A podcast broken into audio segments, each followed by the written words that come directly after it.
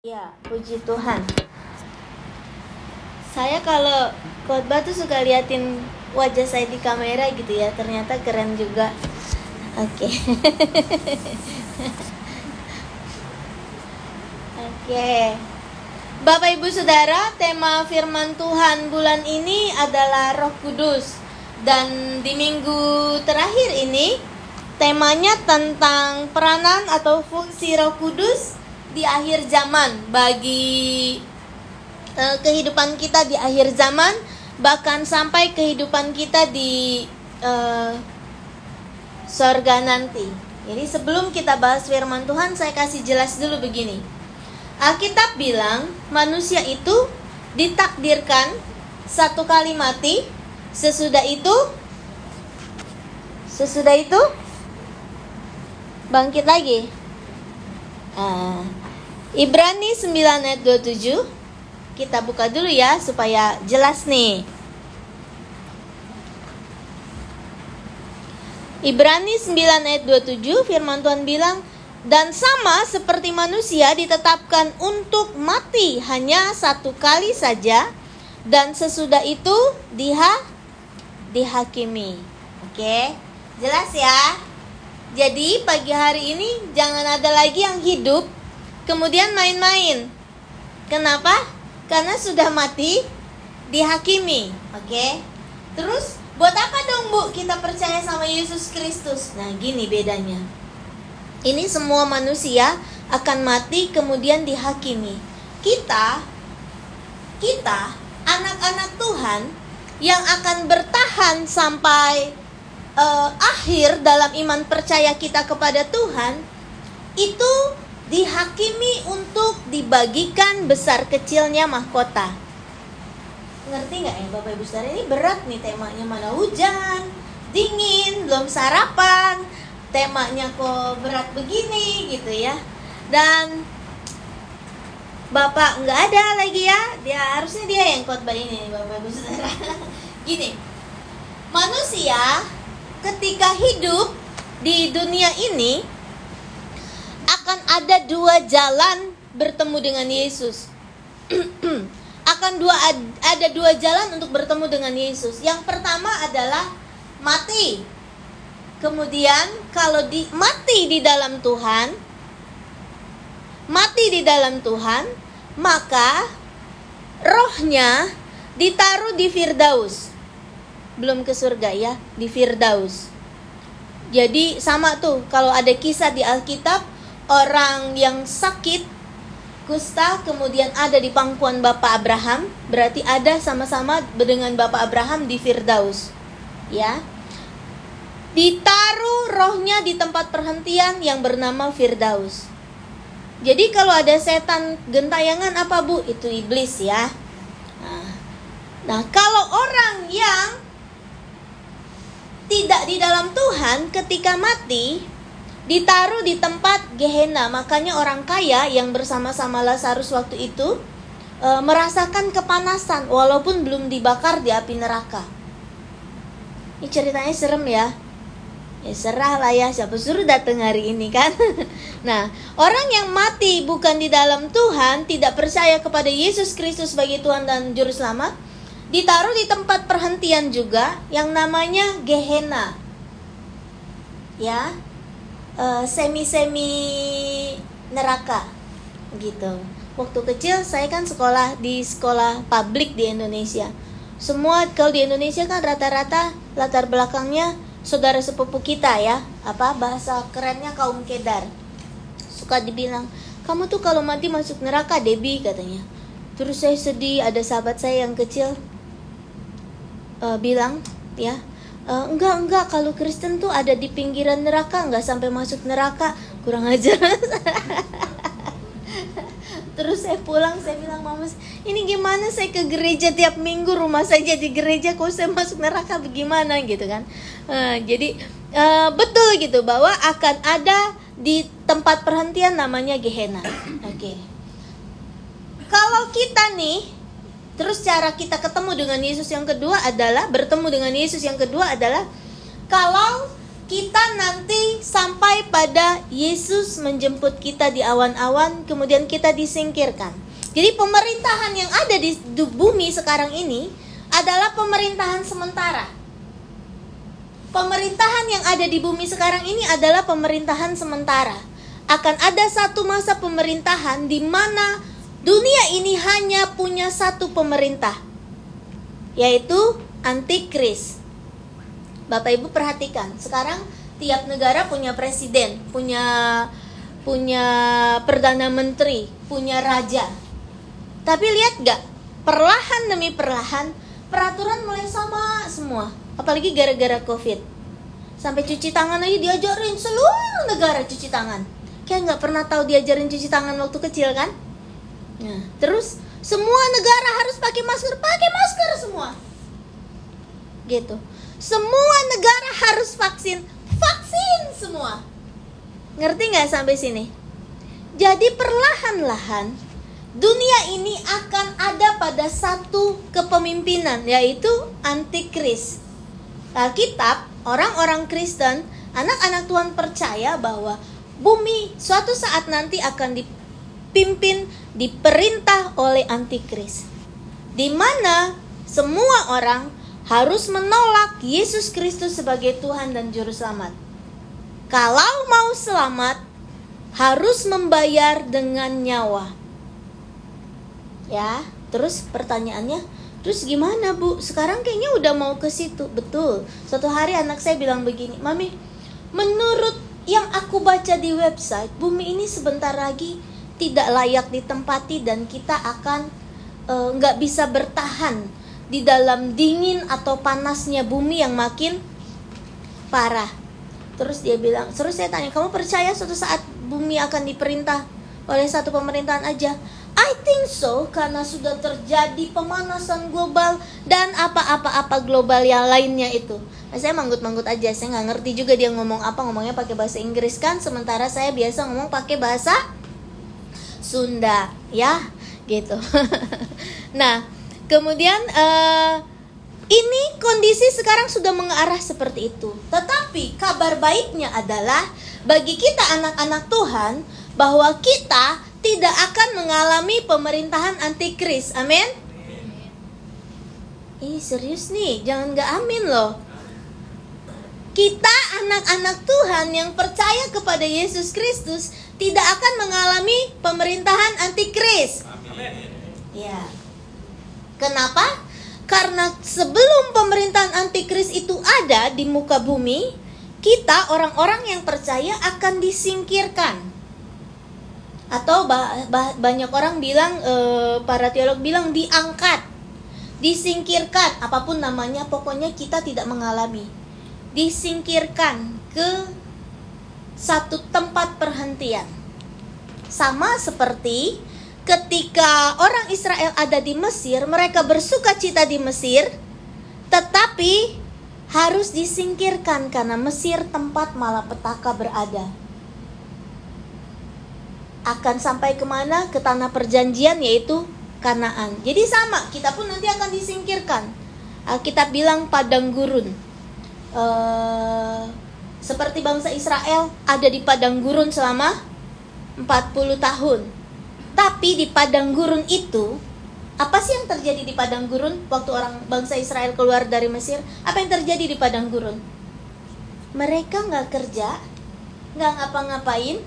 Tiap pagi turun mana dari sorga. Tiap pagi turun burung puyuh untuk dimakan. Tapi tidak bisa disimpan sampai keesokan harinya. Langsung busuk. Mana langsung mencair. Nggak kerja nggak ngapa-ngapain. Emas mereka banyak nggak? Banyak. Makanya mereka di padang gurun itu bikin e, berhala lewat emas patung-patung lewat emas. Terus apa?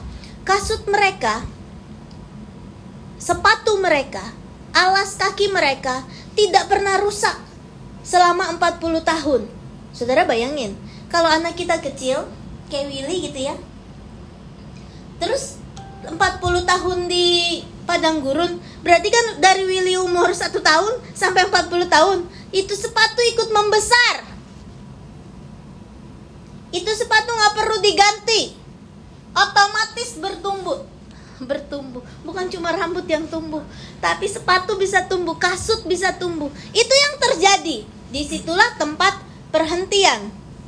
Di situlah kita akan disingkirkan.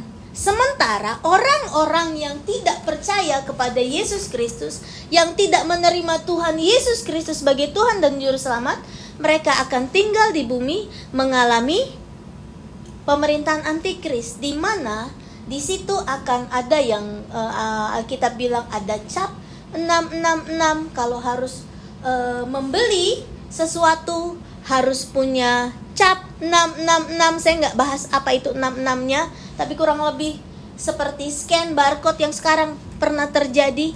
Bapak Ibu Saudara ingatkan kalau kita mau masuk Kmart harus scan. Mau masuk mana kasih lihat kita punya sertifikat vaksin gitu ya. Itu mulai terjadi perlahan demi perlahan. Serem amat ya udah, ngomongnya sampai situ aja ya. Tapi kita tidak akan mengalami. Kenapa kita tidak akan mengalami? Karena kita percaya kepada Yesus Kristus. Nah, selama pemerintahan antikris itu selama tiga setengah tahun, saya nggak usah kasih tahu ayatnya ya, percaya aja ya, percaya aja ya. Tiga setengah tahun pemerintahan antikris itu tiga setengah tahun di kitab Wahyu ditulis tiga setengah tahun. Nah, Selama tiga setengah tahun itu, orang yang tertinggal dan masuk dalam pemerintahan antikris mau tidak mau harus percaya kepada Yesus Kristus. Mau tidak mau mengaku Yesus Kristus itu Tuhan. Jadi begini, kalau kita pernah bersaksi nih sama teman, sama saudara kita, Tuhan Yesus Kristus itu Tuhan, Tuhan Yesus Kristus itu juru selamat. Terus ada yang ngomong, "Hah? Dah, Fred lah. Agama lu, agama lu, agama gua, agama gua nggak usah ngomongin Yesus Kristus. Suatu saat, kalau dia sahabat kita itu, saudara kita itu, siapa pun yang pernah kita injili dan masuk pada pemerintahan antikris, dia akan diam aja di pemerintahan antikris. Andre, si Andre tuh ke mana sih? Dia ngasih tahu kalau Yesus Kristus itu Tuhan. Bener ternyata dia nggak ada sekarang gue tertinggal di sini.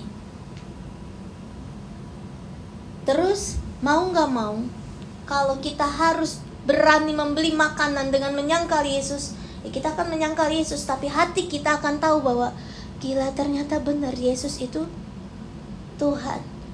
Ketika kita harus uh, membeli pakaian dan tapi harus menyangkal Yesus mungkin orang yang tidak kuat imannya orang-orang kafir akan bilang anjrit kalau daripada aku nggak pakai baju aku harus akui bahwa Yesus bukan Tuhan. Tapi di dalam hatinya dia bilang ternyata Yesus Tuhan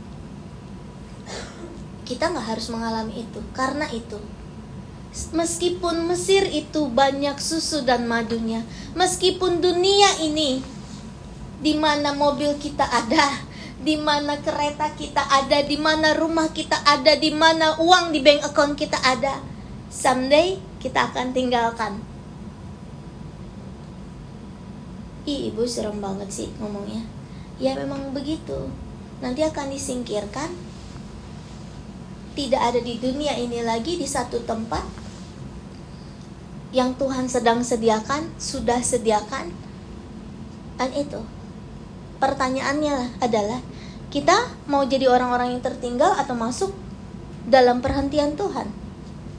Jadi apa pun akhir dari hidup kita, entah kita mati di dunia ini, make sure kita mati di dalam Tuhan. Apakah kita nanti akan disingkirkan oleh Tuhan ke tempat perhentian? Make sure kita ada di dalam Tuhan. Dan Alkitab bilang, orang yang akan disingkirkan ketika Yesus menjemput kita adalah orang-orang yang hidup dalam pimpinan Roh Kudus. Roh Kudus dilambangkan dengan burung merpati, burung nazar. Itu kita akan disingkirkan dengan sayap burung nazar kita Wahyu bilang. Ya. Sekarang pertanyaannya. So, bagaimana kita harus hidup di muka bumi ini? Hiduplah penuh dengan Roh Kudus. Hiduplah penuh dengan Roh Kudus. Hidup penuh dengan Roh Kudus itu seperti apa? Oke, cerita seremnya sampai situ aja. Kita buka Alkitab kita Kejadian 41. Kejadian 41 ayat 37 sampai 49.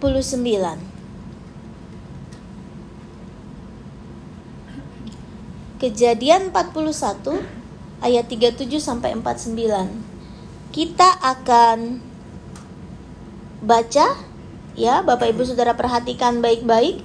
Judul perikopnya adalah Yusuf di Mesir sebagai penguasa. Usul itu dipandang baik oleh Firaun dan oleh semua pegawainya. Lalu berkatalah Firaun kepada pegawainya, "Mungkinkah kita mendapat orang seperti ini, seorang yang penuh dengan roh Allah?" Kata Firaun kepada Yusuf, "Oleh karena Allah telah memberitahukan semuanya ini kepadamu, tidaklah ada orang demikian berakal budi dan bijaksana seperti engkau." Engkaulah menjadi kuasa atas istanaku dan kepada perintahmu seluruh rakyatku akan taat. Hanya tahta inilah kelebihanku daripadamu. Selanjutnya Firaun berkata kepada Yusuf, dengan ini aku akan melantik engkau menjadi kuasa atas seluruh tanah Mesir. Sesudah itu Firaun menanggalkan cincin materainya dari jarinya dan mengenakannya pada jari Yusuf dipakaikannya lah kepada Yusuf pakaian daripada kain halus dan digantungkannya kalung emas pada lehernya. Lalu Firaun menyuruh menaikkan Yusuf dalam keretanya yang kedua dan berserulah orang di hadapan Yusuf. Hormat! Demikianlah Yusuf dilantik oleh Firaun menjadi kuasa atas seluruh tanah Mesir.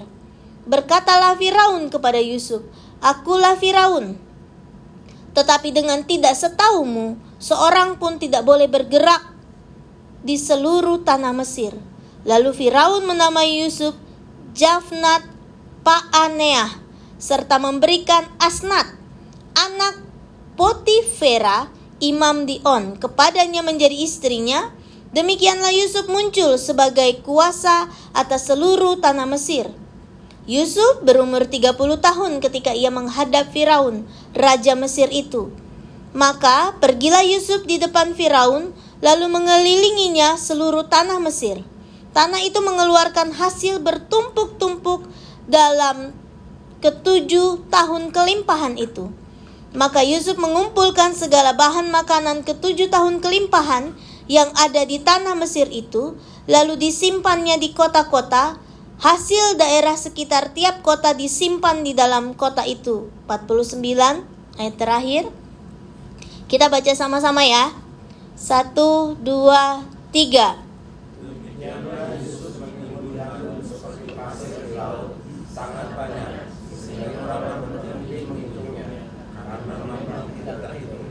Amin. Jadi tadi saya bilang begini.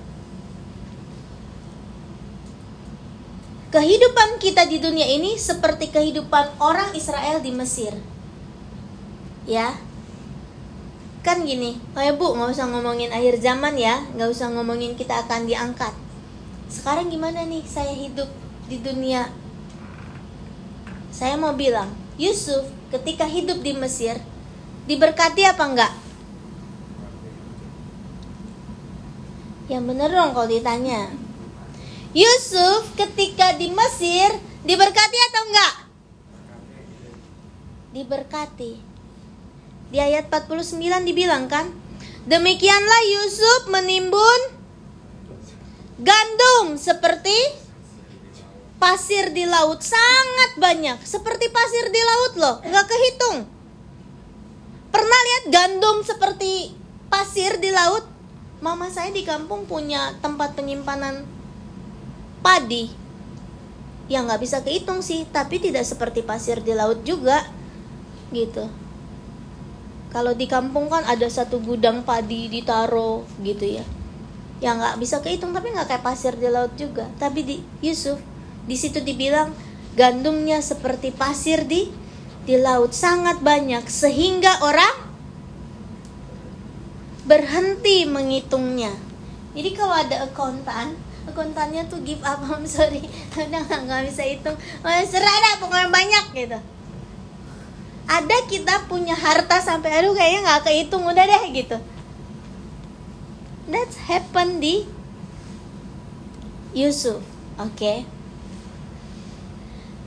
sekarang pertanyaan yang begini. Bu ibu tuh ngomong uh, kita hidup di akhir zaman uh, kita hidup di Mesir saat ini menantikan kedatangan Yesus yang kedua kali seperti di Mesir akan diberkati. Tapi saya enggak loh bu sekarang. Tapi saya lagi sulit loh bu hidupnya. Uang saya habis loh bu. Saya punya sakit penyakit loh bu. Saya difitnah, saya ada dalam kondisi tertekan Banyak masalah. Gini loh bu gitu. Ya nggak?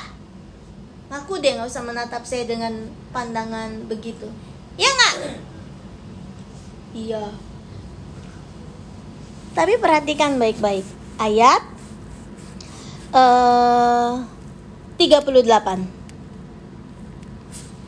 Lalu berkatalah Firaun kepada para pegawainya, "Mungkinkah kita mendapat orang seperti ini, seorang yang penuh dengan roh Allah?" Artinya apa? Supaya kita seperti Yusuf, jadi pemimpin di, di Mesir. Kita bilang Yusuf ini cuman Firaun bilang, ini kerajaan punya kamu semua. Aku tuh cuma tata ini aja, kursi ini aja nggak boleh kamu dudukin. Meterai, cincin meterainya sudah dikasih kepada Yusuf. Yusuf jalan ke mana pun semua orang hormat. Tapi kenapa Yusuf bisa sampai di level itu? Di ayat 38 ini. Mungkinkah kita mendapat orang seperti ini? Seorang yang penuh dengan roh Allah. Jadi syarat untuk kita selama hidup di muka bumi ini bisa menjadi seperti Yusuf atau minimal menjadi seasistennya Yusuf atau pegawainya Yusuf, engkau harus hidup penuh dengan roh Allah. Yusuf diangkat menjadi wakilnya Firaun memimpin bangsa Mesir. Seluruh kerajaan Mesir ada di uh, bawah komandonya Yusuf. Kenapa? Firaun memilih Yusuf karena yang pertama dia penuh dengan roh Allah. Mungkinkah kita mendapat orang seperti ini? Seorang yang penuh dengan roh Allah.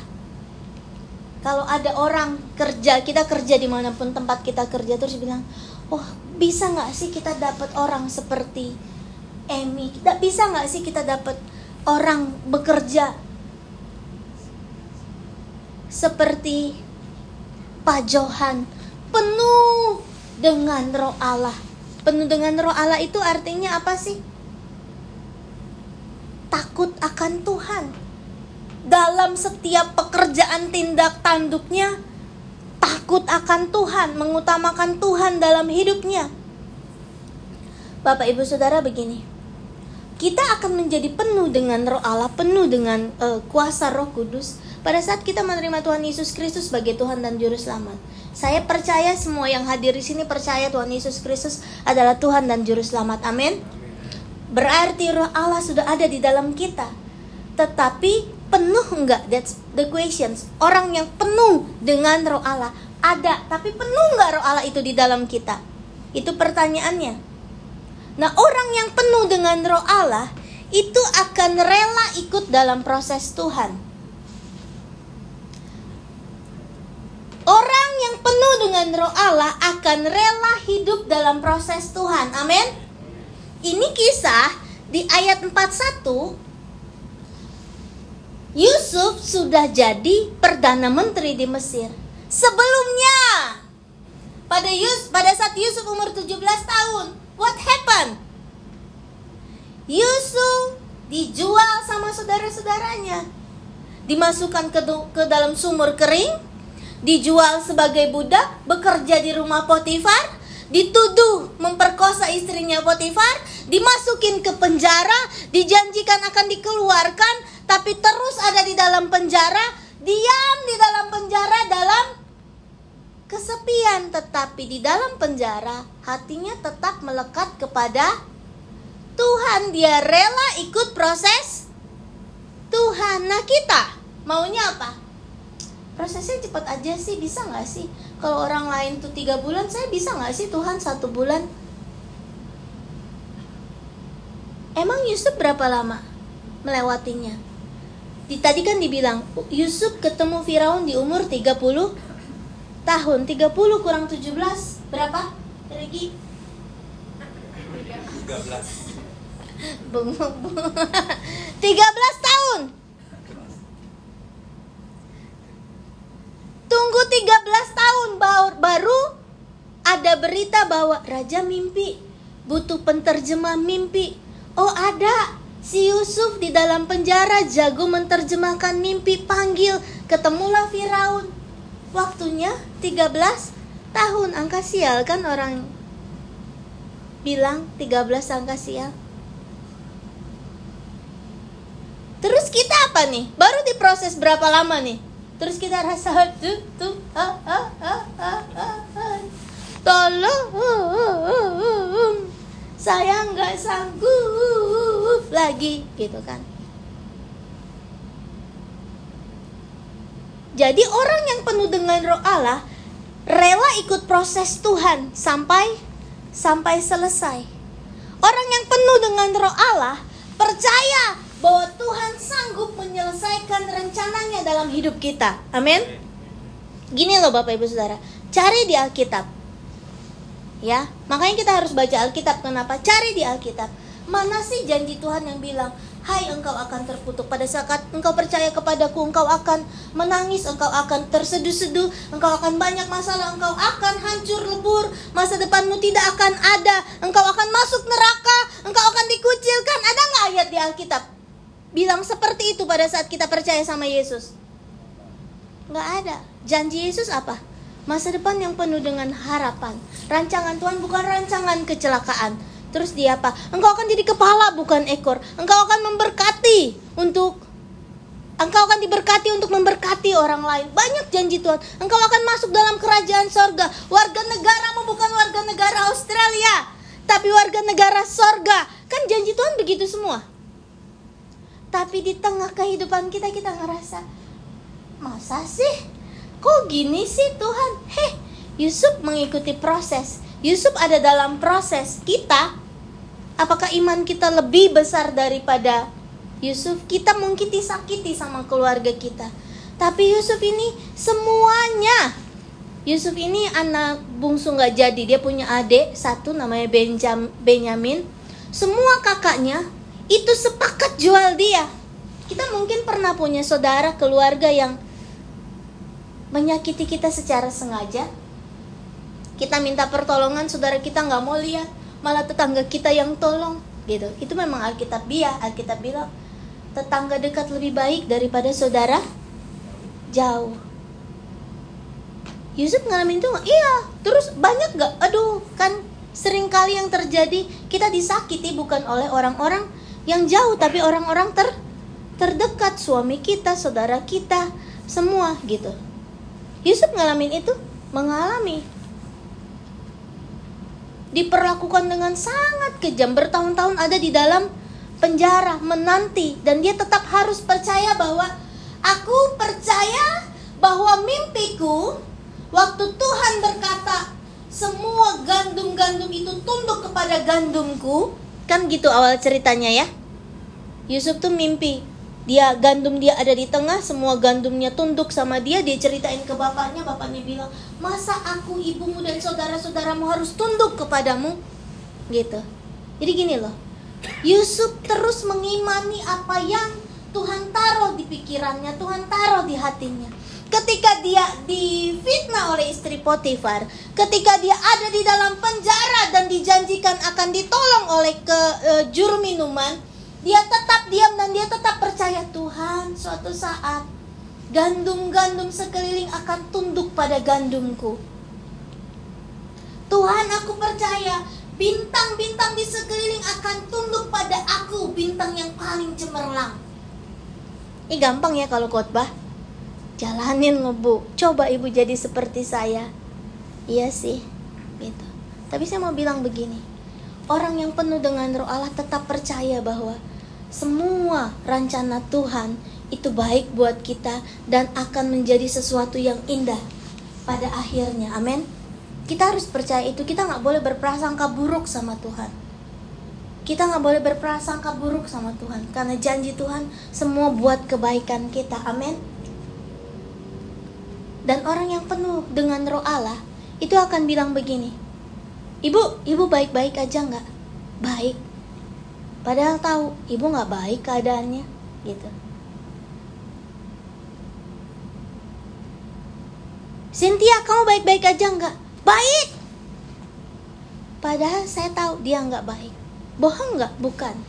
Bukan bohong. Tapi sedang mengimani perjalanan bahwa dipimpin oleh roh Allah sekalipun sekarang dalam tekanan dalam penderitaan tapi janji Tuhan akan digenapi kalau Bapak Ibu Saudara tanya sama saya hari ini Bu Dewi baik nggak? Saya akan jawab baik baik walaupun uh, seminggu sekali saya harus ke dokter bukan cuma saya yang ke dokter saya harus bawa saya cerita nih hari ini saya harus bawa anak saya ke dokter spesialis saya harus bawa uh, anak saya bolak-balik psikolog. Saya harus bawa anak saya uh, ke dokter untuk diperiksa darah, periksa apa banyak sekali yang harus dilewati. Tapi saya jawab apa? Baik. Kenapa baik? Karena Tuhan sedang bekerja dan apa yang Tuhan sedang kerjakan mendatangkan kebaikan. Terus ada yang tanya, kok bisa ya anak pendeta tertekan? Banyak tanya ya sama anak pendeta. Saya dulu anak pendeta. Ke gereja, jalan miring salah, tunduk salah, dongak salah, pakai celana panjang salah, pakai rok kependekan sedikit salah. Anak pendeta tuh tertekan, Bapak Ibu Saudara. Ya, makanya banyak anak-anak pendeta. Morris jangan ngangguk-ngangguk nanti ketahuan Morris anak pendeta ya. tertekan karena semua orang memandang kok gitu, anak pendeta kok gitu, anak pendeta kok gitu, kenapa begini, kenapa begitu gitu. Makanya banyak anak pendeta bilang, aduh saya nggak pelayanan deh, saya nggak ambil, nggak mau jadi deh, nggak mau jadi pendeta deh, enough, pak, uh, itu kamu aja. Gitu. Tetapi orang yang penuh roh Allah akan bilang, saya baik-baik saja. Kenapa? karena sedang percaya bahwa yang sedang Tuhan kerjakan mendatangkan keba kebaikan. Yang kedua, kenapa kita walaupun tinggal di Mesir, tempat yang sementara ini, yang limpah susu madu, apalagi ada di Australia ngerasa apa? Perlu kereta baru ya, udah kredit aja aku bayar dari sini. Apa? Mau beli rumah ya? Udah kasih DP aja, aku kirim uh, kreditnya tiap bulan dari sini. It's easy peasy katanya. Kecil. Ayo beli apartemen aja, aku yang bayar kreditnya dari sini. Terus di sini Toto sakit, rasain. Oh, nggak tahu orang di Indonesia di Malaysia nggak tahu kita kerja bagai kuda. Kalau yang kerja di kerja di uh, kilang atau pabrik, kok kerja di farm? tunduk-tunduk. Saya suka sekali ngeledekin Regi. Yang dia rasa wah keren ke Australia. Wah dijemput naik van. Keren banget nih kerja di van. Oh tau masuk ke farm strawberry rasain loh terus dia dia sok yakin farm itu ada kantinnya dia nggak bawa makanan gitu terus orang-orang ayah apa tuh kalau istirahat itu namanya apa smokol smokol oke okay kok orang pada buka tapau, kok orang buka kontainer, Regi. Oh ada strawberry, yaudah semua koko strawberry. Makan siang, makan siang. Orang-orang kok buka kontainer lagi, kok orang-orang buka tapau lagi. Regi apa? Makan strawberry lagi sama daun-daunnya. Rasain ya, pulang selesai sore, sakit perut dia kan? That's happen Regi ya hari pertama kerja terus orang di orang di Indonesia biasa banget di eh cuk cuk cuk cuk cuk ya mami itu the house ya ya gitu kan rasain terus begitu dia tiga bulan sudah beradaptasi terus dia bisa dengan bangga bilang Hai darling aku kirim kamu uang ya. Oh oh ternyata satu bulan kirimnya bisa 10 juta. Berarti gaji dia berapa ya? 1000 dolar bisa kirim. Gaji dia berapa ya? Mulai mengawang-awang tuh ya. Semua saudara keluarga di Indonesia di Malaysia. Terus bilang wah kayaknya kita bisa nih cicil mobil cicil kereta. Kayaknya kita bisa nih kredit apartemen kredit rumah. Terus Regi di di kebun strawberry bilang iya terus aja beli terus saya beli. Apa nggak tahu apa nih tunduk begini pulang jalannya gini gitu kan? Berani bilang nggak berani bilang. Di video call istrinya keluarganya. Cari-cari ruangan nih. Oh di luar aja di luar yang ada daun-daun lagi kering cabang-cabang aja di winter. Karena kenapa kalau di kamar? Aku share kamarnya sama orang. Berantakan sebelahan antara jarak kasur cuma 10 cm dulu Bu Dede sama Regi sama Pak Ivan pernah satu kamar. Ketawa lagi. Dalam masa susah bukan lagi living together itu. Bertiga kakek-kakek. Sama satu kakek satu nenek satu wanita laki-laki muda yang dua-dua ngorok gitu kan. Mendengkur snoring kencang. Istrinya telepon tunggu tunggu tunggu ke halaman belakang dulu yang ada bunga-bunga. Ayah ya ini aku baru mau berangkat kerja nih. Nggak berani di kamar kenapa? Kamarnya sempit-sempitan kasurnya udah tipis. Biar dia nggak tahu keadaanku seperti ini sudah Nah, Bapak Ibu Saudara, itu proses yang harus dilewati. Orang yang penuh roh Allah akan mengerti bahwa sepahit-pahitnya proses ini, Tuhan tidak pernah lalai menepati janjinya. Kenapa bisa kuat? Kenapa Yusuf bisa kuat sampai tiba waktunya dia dipanggil sama Firaun untuk menerjemahkan mimpinya? Karena ada roh Allah di dalam kehidupannya. Bukan cuma ada, roh Allah itu penuh di dalam kehidupannya Yusuf. Nah, yang kedua, supaya ketika kita di Mesir ini tetap bisa berhasil, tidak kekurangan satu yang baik. Ayat 39. Kata Firaun kepada Yusuf, "Oleh karena Allah telah memberitahukan semua ini kepadamu, tidak lah ada orang yang demikian berakal budi dan bijaksana seperti engkau. Jadi yang pertama penuh dengan roh Allah, yang kedua harus berakal budi dan bijaksana. Kita kadang-kadang ada akalnya doang, budinya nggak ada. Budinya ketinggalan di Indonesia. Ini ibu Budi, ini bapak Budi. Budi pergi ke sekolah, keseringan cuma punya akal. Budi itu apa sih? Budi itu jiwa yang baik, karakter yang baik. Kadang-kadang kita cuma pakai akal, tapi pakai budi jahat. Nggak baik budi. Terus di situ dibilang apa? Bijaksana. Banyak orang punya akal, apa-apa pakai akal. Uh, gua ada kerja, uh dibuka semua list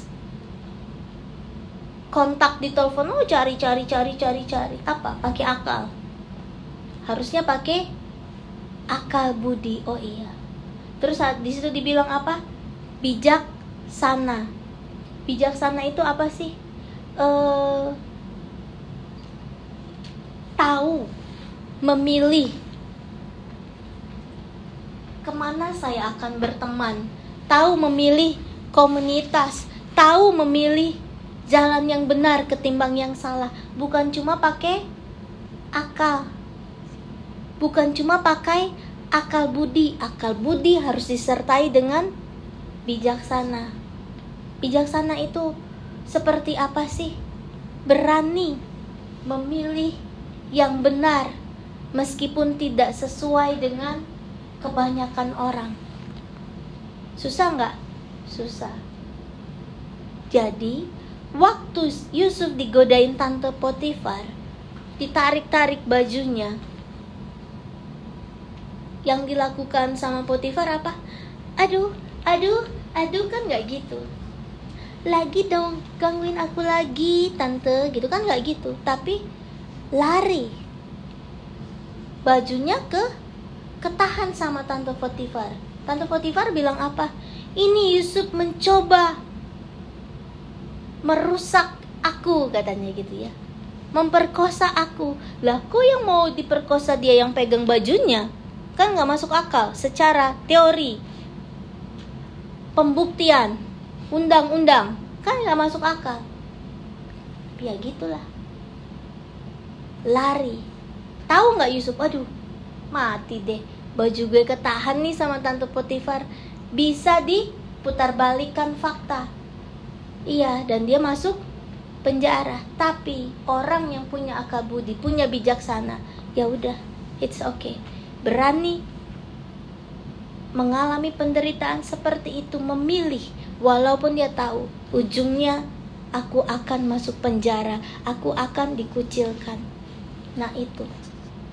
Aku akan tidak dipandang aku akan menderita. Tapi kalaupun aku menderita, tetapi aku memilih jalan yang benar, memilih kebijaksanaan yang dari Tuhan, aku akan tetap percaya bahwa rencana Tuhan bah baik. Kalau khotbah emang gampang saudara, tapi 13 tahunnya yang lama ya. Kita siapa yang udah 13 tahun di sini? Saya aja baru 10 tahun. Dan rasanya aduh Tuhan, Tuhan kapan sih datang yang kedua kali? Penderitaan ini kapan sih selesai? Kapan sih Tuhan keluarga saya baik-baik aja? Nggak usah susah-susah. Kapan sih Tuhan kasih rumah sama saya? Tuhan kapan sih semua banyak berkat melipat yo haleluya gitu. Tuhan bilang kamu berapa? 10 tahun ya. Oh, oke. Okay. Yusuf 13 tahun. Oke. Okay. ya udah Tuhan. Oke okay, oke. Okay. oke okay lah Tuhan. Nah yang terakhir. Kenapa selama kita ada di Mesir ini, menunggu Tuhan datang kedua kali, menunggu kita dipanggil Tuhan, kita harus ah, kita akan hidup dalam kelimpahan gandum yang tidak terhitung. Ayat 46 lihat.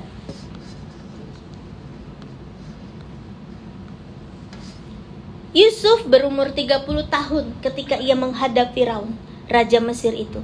Maka setelah dilantik itu, maka Pergilah Yusuf dari hadapan Firaun, dari depan Firaun.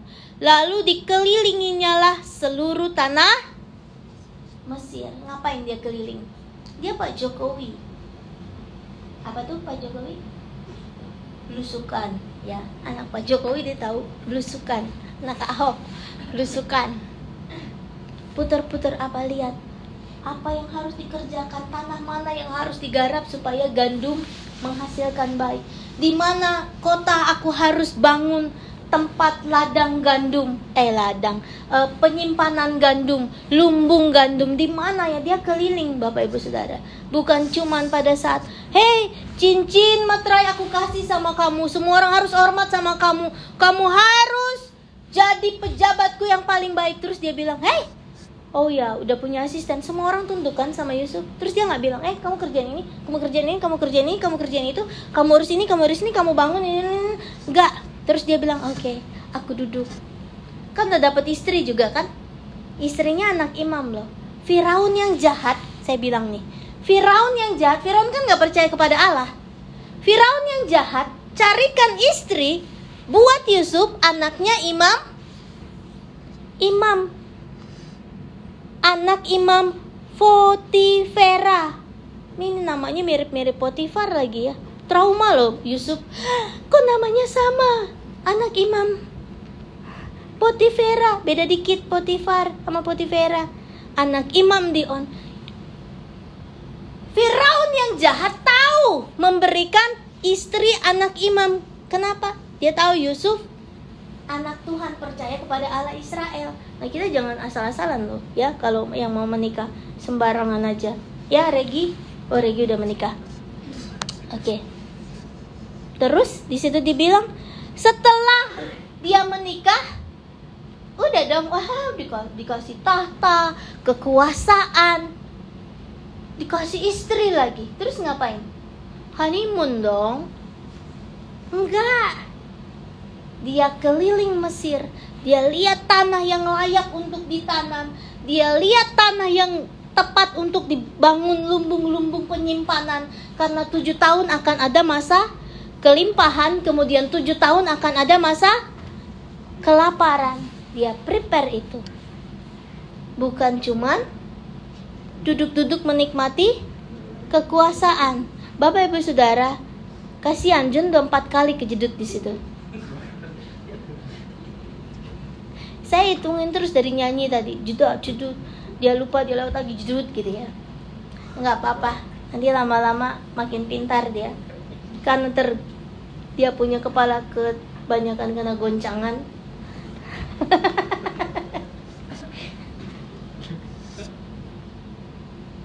nah, uh, Yusuf mengelilingi Mesir untuk melihat apa yang bisa dikerjakan.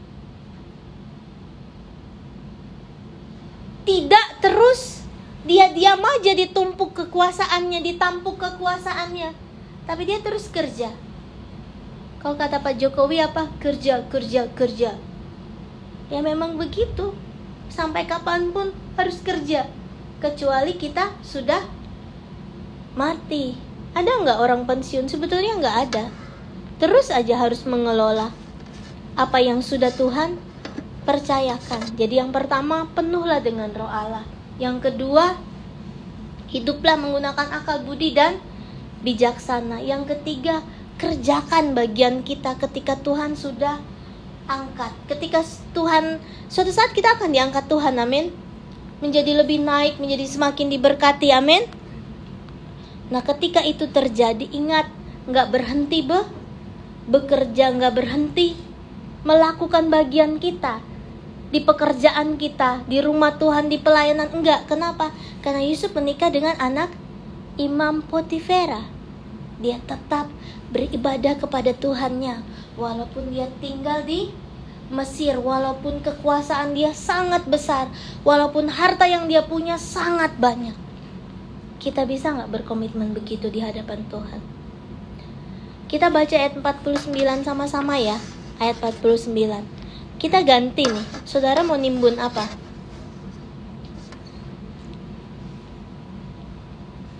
Ibu nih enak banget tuh khotbah ganti-ganti kata. Suka-suka saya. Ya. Saya akan baca begini, Bapak Ibu Saudara dengar ya. Demikianlah Debbie menimbun apa yo harta mobil sebut masing-masing. Hari ini saya mau minta apa ya?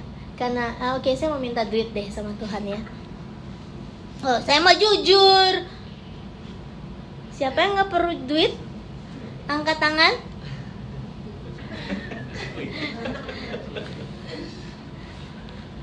Saya mau baca nih Bapak Ibu Saudara. Bapak Ibu Saudara boleh ganti dengan apa yang menjadi kebutuhanmu hari ini. Demikianlah Debbie menimbun duit seperti pasir di laut. Sangat banyak sehingga orang berhenti menghitungnya karena memang tidak terhitung. Nah, Bapak Ibu Saudara baca ya, ganti dengan namamu sendiri dan mau nimbun apa? Ya minyak goreng. Ayo, ready? Siap ya? Taruh di hatimu masing-masing nih. Mau nimbun apa? Jangan nimbun anak. Pusing, anak banyak tuh. Oke? Siap?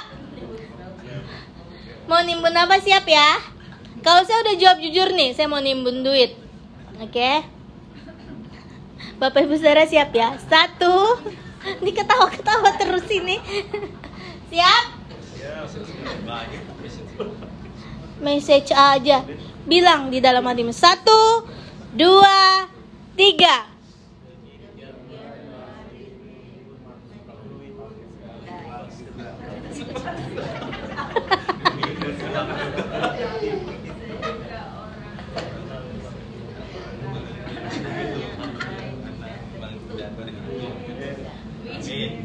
Udah? Udah belum nih? Alkitab bilang apa? Jadilah menurut perkataanmu. Jadi yang nggak ngomong tanggung sendiri ya. Yang nggak ikut ngomong tanggung sendiri. Alkitab bilang jadilah menurut perkataanmu. Saya udah ngomong loh tadi. Uh, Oke? Okay? Oke, okay. itu aja firman Tuhan hari ini. Saya percaya Bapak Ibu Saudara diberkati hari ini. Saya undang pemusik dan